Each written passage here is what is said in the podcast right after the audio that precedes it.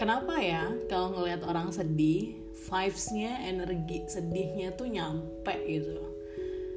Berpuluh-puluh kilometer ratusan kilometer gitu ya kita jaraknya jauh dari orang yang bersangkutan tapi kita bisa ngerasain sedihnya gitu. Ini masih episode yang aku dedikasikan untuk meninggalnya sahabat idola kita inspirasi kita Kak Laura gitu ya.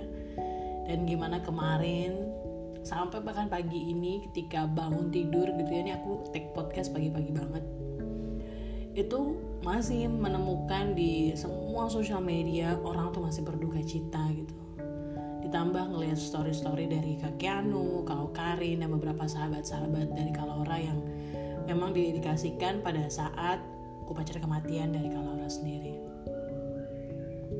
Kenapa ya? Kok bisa sesedih ini gitu? Padahal nggak kenal, padahal nggak pernah interaksi langsung gitu, padahal nggak merasakan tuh nggak pernah lihat kebaikan langsung dari yang bersangkutan. Kok rasanya bangun tidur menjalani aktivitas tuh sesedih ini gitu. Kita flashback ya ke kematian yang juga merenggut dua nyawa sekaligus pada saat itu Vanessa dan juga Vanessa Angel dan juga Bibi suaminya gitu. Se Indonesia tuh kayaknya ngerasain sedih yang sama gitu. Sedih yang dalam banget dan kita kayak ngerasa bahwa kita kenal banget sama sosok yang meninggal itu gitu. Kita berduka cita kita berdoa kita menunjukkan cinta kasih yang luar biasa gitu. Bahkan sampai kejadian sekarang kita menunjukkan bahwa ternyata basic manusia itu tuh sama gitu. Kita lahir dengan kemampuan untuk mencintai gitu. Bukan membenci ya tapi mencintai. Menurut saya tuh membenci adalah proses yang kita pelajari tapi mencintai itu proses yang kita bawa sejak lahir gitu. Dan ketika biasanya kita ngelihat banyak pertengkaran di sosial media banyak orang saling hujat saling gibah dan lain sebagainya intinya yang sangat negatif dan membuat banyak aura kebencian itu muncul tapi ketika ada kejadian seperti itu kayak bangsa Indonesia tuh dipersatukan gitu. Kita tuh dipersatukan. Nah kenapa podcast episode kali ini ngebahas ini tentang kesedihan terus kemudian tentang cinta kasih ya?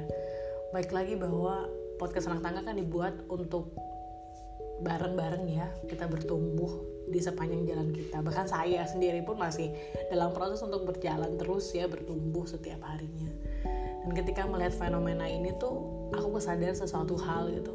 Bahwa menumbuhkan cinta kasih bukan cuma pada saat kita bahagia tetapi juga pada saat kita sedih bersama-sama gitu.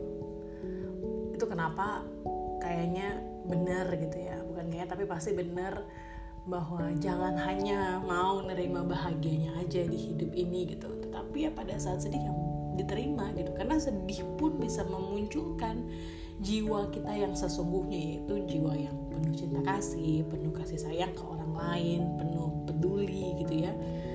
Dan nyadar gak sih bahwa sering kali selama ini kita kayak nggak mau menerima emosi sedih gitu. Kita terbiasa untuk mengejar bahagia, jadi kita yang, yang kita terima cuma emosi bahagia gitu. Tapi ketika emosi sedih kita nggak terima. Tapi kejadian ini lagi-lagi menyadarkan kita bahwa emosi apa pun itu adalah ruang bertumbuh untuk kita semua dan ruang untuk mengeluarkan sisi-sisi sebenarnya kita. Misalnya kayak sisi penuh cinta kasih sisi penuh kepedulian tadi lagi ya. Nah buat kalian teman-teman yang dengerin podcast senang tangga kali ini di antara kesedihan yang kita lihat dan kita rasakan bersama-sama gitu ya apa yang teman-teman bisa ambil gitu apa yang teman-teman lakukan untuk selain berdoa tentunya untuk almarhumah ya apa yang teman-teman lakukan untuk diri sendiri gitu? Apa yang teman-teman komunikasikan ke diri sendiri? Apakah teman-teman berkomunikasi akhirnya ternyata lu orangnya baik ya gitu? Atau misalnya ternyata selama ini lo yang dianggap keras bisa cengeng juga ya gitu? Atau ternyata mencintai orang menyayangi menumbuhkan banyak kepedulian itu seindah ini rasanya. Walaupun nangis tapi ada rasa kayak apa ya pernah gak sih bayangin hati tuh kayak nggak ada dengkinya sama sekali gitu. Hati itu rasanya plong banget gitu. Walaupun sedih tapi plong.